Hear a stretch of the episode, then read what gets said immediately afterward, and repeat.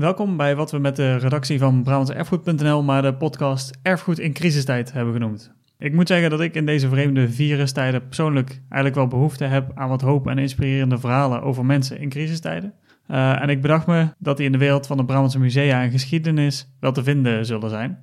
De komende tijd ga ik dus, veilig vanuit huis, bellen met wat collega's en andere bekenden uit de Brabantse erfgoedwereld, die mij, en hopelijk natuurlijk jou ook, een hart onder de riem steken op basis van de Brabantse geschiedenis. Hoe vaak deze afleveringen gaan verschijnen, is nog even afwachten. We willen het zo vaak doen als we kunnen en zo vaak we een inspirerend verhaal uh, weten te vinden. Voor deze eerste aflevering belde ik mijn collega Jos Zwanenberg. Uh, hij is ook bekend van de allereerste aflevering van de Brabantse Erfgoed podcast. In zijn wijk in Rosmalen hangen ineens allemaal Brabantse vlaggen. En ik was eigenlijk wel benieuwd waar dat vandaan kwam, waarom die vlaggen daar ineens hingen. Uh, en waarom mensen zich juist nu zo binden aan zo'n symbool uh, zoals een vlag. Voordat we met deze aflevering beginnen, aanstaande vrijdag verschijnt ook alweer de eerste aflevering van de gewone Brabantse Erfgoed podcast. De eerste aflevering van het nieuwe seizoen. Op de introductie van de eerste aflevering na houden we die verder zo coronavrij als mogelijk. En dan ga ik nou Jos even bellen. Hey Jos. Hoi. Hallo. Hoi. Hoe is het? Goed. Is het dan een beetje vol te houden allemaal?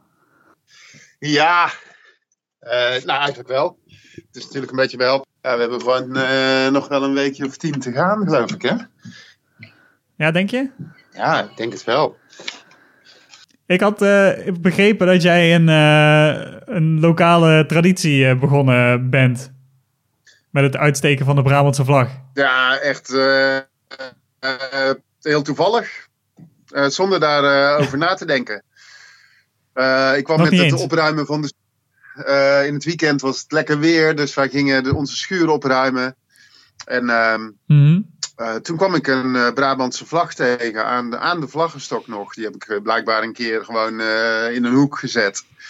En mijn dochter zijn meteen van, hé, hey, wat is dat? Oh, hartstikke mooi, die moet, moet je aan, de, aan het huis hangen. En uh, Judith, mijn vrouw, die zei toen, uh, ja, dat is uh, wel, wel goed zo in de tijd van dat Brabant zo negatief in het nieuws is. Um, ja, dus er zat meteen ook een gedachte achter, maar zo begon het, mm -hmm. zo begon het niet. Want Veetje vindt dat gewoon, gewoon een mooi gezicht. Mm -hmm. maar goed, zo gezegd, zo gedaan. Ik heb die vlag opgehangen aan het huis. En de volgende dag zag ik dat onze overburen ook een vlag hadden opgehangen. En een dag later uh, waren er vijf en drie dagen later er gewoon twintig. Echt de hele straat hangt vol met vlaggen. Uh, en vanochtend was het ook uh, in het Brabants Dagblad met, met foto. Oh, Wel heel grappig. Ja. Oh, vet. Dus op allemaal Brabantse vlaggen in heel de wijk in Rosmalen. ja, precies. Ja, ik ben ook aangesproken op straat van, uh, ah, wat goed dat je dat hebt gedaan, mooi voor de samenhorigheid en zo. Want voor, voor jou was het dus gewoon, was toevallig en je dochter vond het mooi om dat op te hangen. Nog niet Ja. eens per se met heel veel gedachten erbij. Nee. Uh, alleen me- mensen gingen dat overnemen en die zien er meteen een hele boodschap in. Ja, ja, klopt. Ja. Mijn oudste dochter eh, kwam, kwam een paar dagen later thuis en die zei, oh ja, pray, pray for Brabant. Even pray for Brabant, daar had ik niet eens van gehoord. Er blijkt een, eh, een, eh, een hoe heet het, hashtag op Instagram Mhm. geweest te zijn toen het coronavirus net Ja. uitbrak in Nederland. Die had ik niet eens gezien, dus nee, ik was me er veel minder bewust van. Maar wel heel erg grappig dat het dan gebeurt. En ik vind het wel eh, natuurlijk ook vanuit onze achtergrond hè, als erfgoedbewaarders eh, erg interessant om te zien wat het dan, eh, wat het dan losmaakt. Ja, Ja, ik, ik zag het op jouw, voor mij Twitter of zo, een paar dagen geleden. En ehm, ik, ik moest ook meteen denken aan die beelden van Italië van twee weken geleden of zo, dat ze massaal het volkslied aan het zingen waren op hun balkonnetjes en zo. ja klopt. Ja, inderdaad. Dat deed het me heel erg aan denken. Ja, daar is dat mee te vergelijken. Hè? Want het is een soort van. Ja, je hebt een soort symbool, zeg maar, om dan die Mhm. samenhorigheid uit te drukken.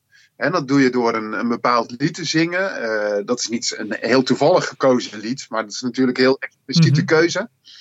Mhm. dit is een zichtbaar symbool, eh, wat ook eh, bepaald niet toevallig is. Wat ook meteen blijkbaar hè, die herkenning heeft van een, van een sterk symbool. En dat, dat- ja, die Brabantse vlag is gewoon een heel sterk symbool. Ja, dus mensen voelen toch de, kennelijk de, de behoefte om zich ergens aan te, aan te verbinden en dan denk ik ook verbonden te zijn met elkaar. Ja, ja, ja, precies. Ja, ja maar dat, dat is het natuurlijk ook. Hè? Die uh, samenhorigheid en die verbondenheid met elkaar, dat, dat is onze regionale identiteit. De regionale identiteit is weliswaar een, een verbondenheid met uh, een bepaalde regio, uiteraard. Het woord zegt het al. Het gaat natuurlijk om de mensen die daar zitten. Het gaat om die regio, maar het gaat juist om de mensen die daar wonen of die zich daarbij betrokken voelen. Het is echt de gemeenschap uh, die zich verbonden, de gemeenschap van mensen die zich verbonden ja, moet voelen. Precies.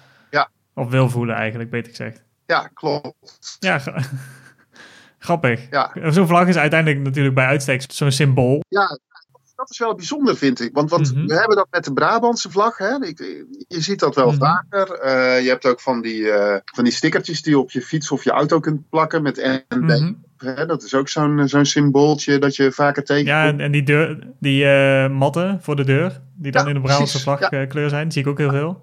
Ja, de houdoemat. Houdoe deurmat. Ja, precies. Ja.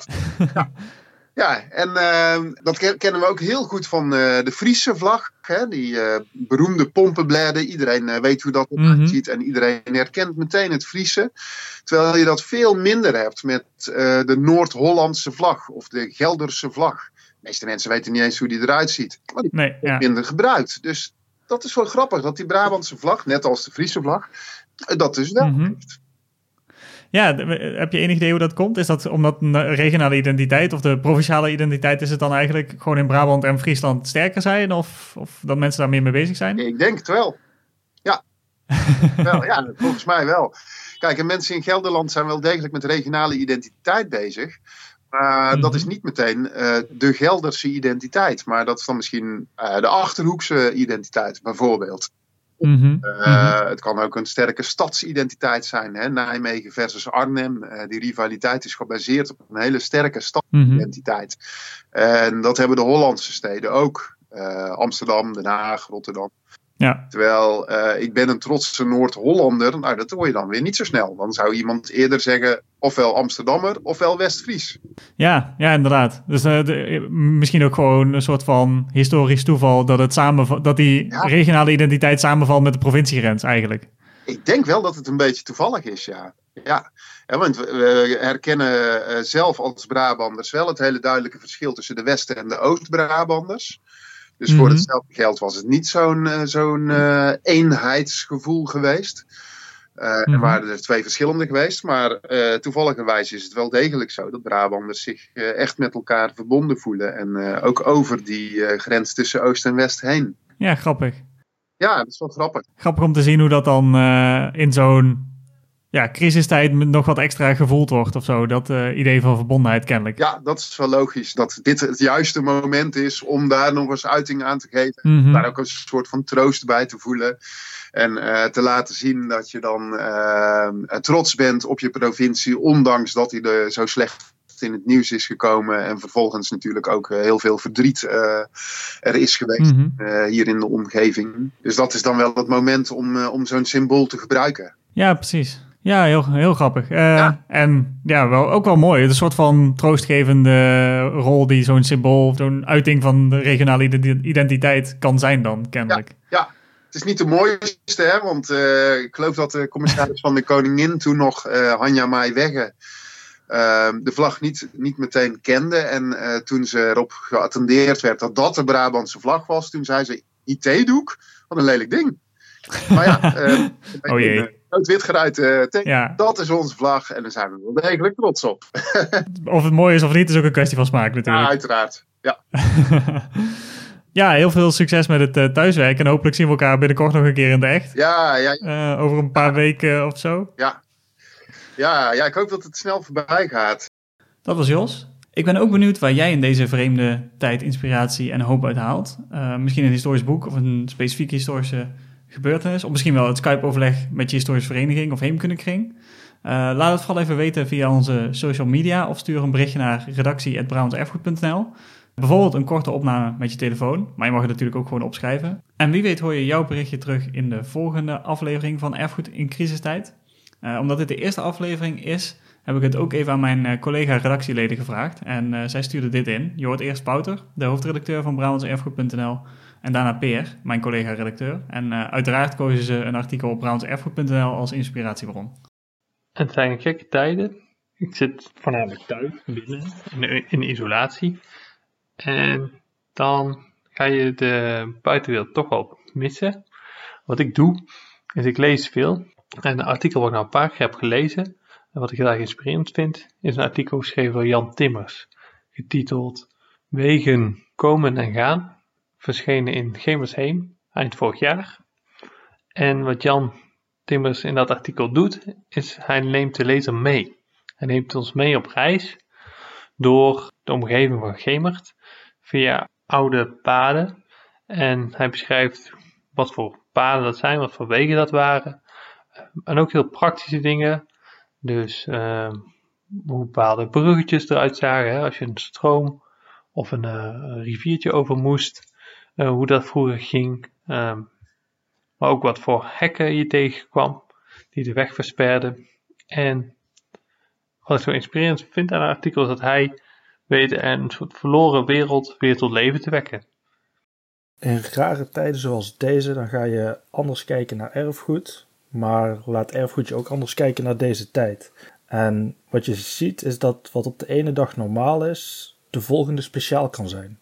En zo vind ik een artikel over de Dussense case van Boxel erg inspirerend, omdat het hier gaat over een zogenaamde gewone man. Een man die zichzelf waarschijnlijk geen plek in de geschiedenisboeken toebedacht had, maar wiens leven door wat hij deed wel verweven is met de geschiedenis. Het was een man die werkte als metselaar, maar in zijn leven verschillende historische thema's leefde, zoals goedkoop moeten werken voor de nonnen tijdens het Rijke Roomse leven, of gedwongen werken voor de Duitsers in kamp Vught in de Tweede Wereldoorlog.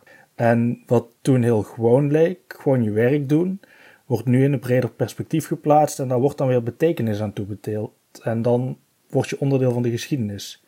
En dat zie je nu bijvoorbeeld ook met zorgmedewerkers die twee weken geleden praktisch voor lief werden genomen, nu op een voetstuk worden geplaatst en over een half jaar misschien weer vergeten zijn. Of alle initiatieven die opkomen, alle mensen die zo hard werken om alles in deze rare tijd in goede banen te leiden, die nu vol in het nieuws zijn en volgende week weer vergeten. En alles wat nu heel klein lijkt, is toch onderdeel van dat grotere geheel. En ik denk dat iedereen zich daarbij mag beseffen dat zijn of haar verhaal zeker een plek verdient binnen ons erfgoed.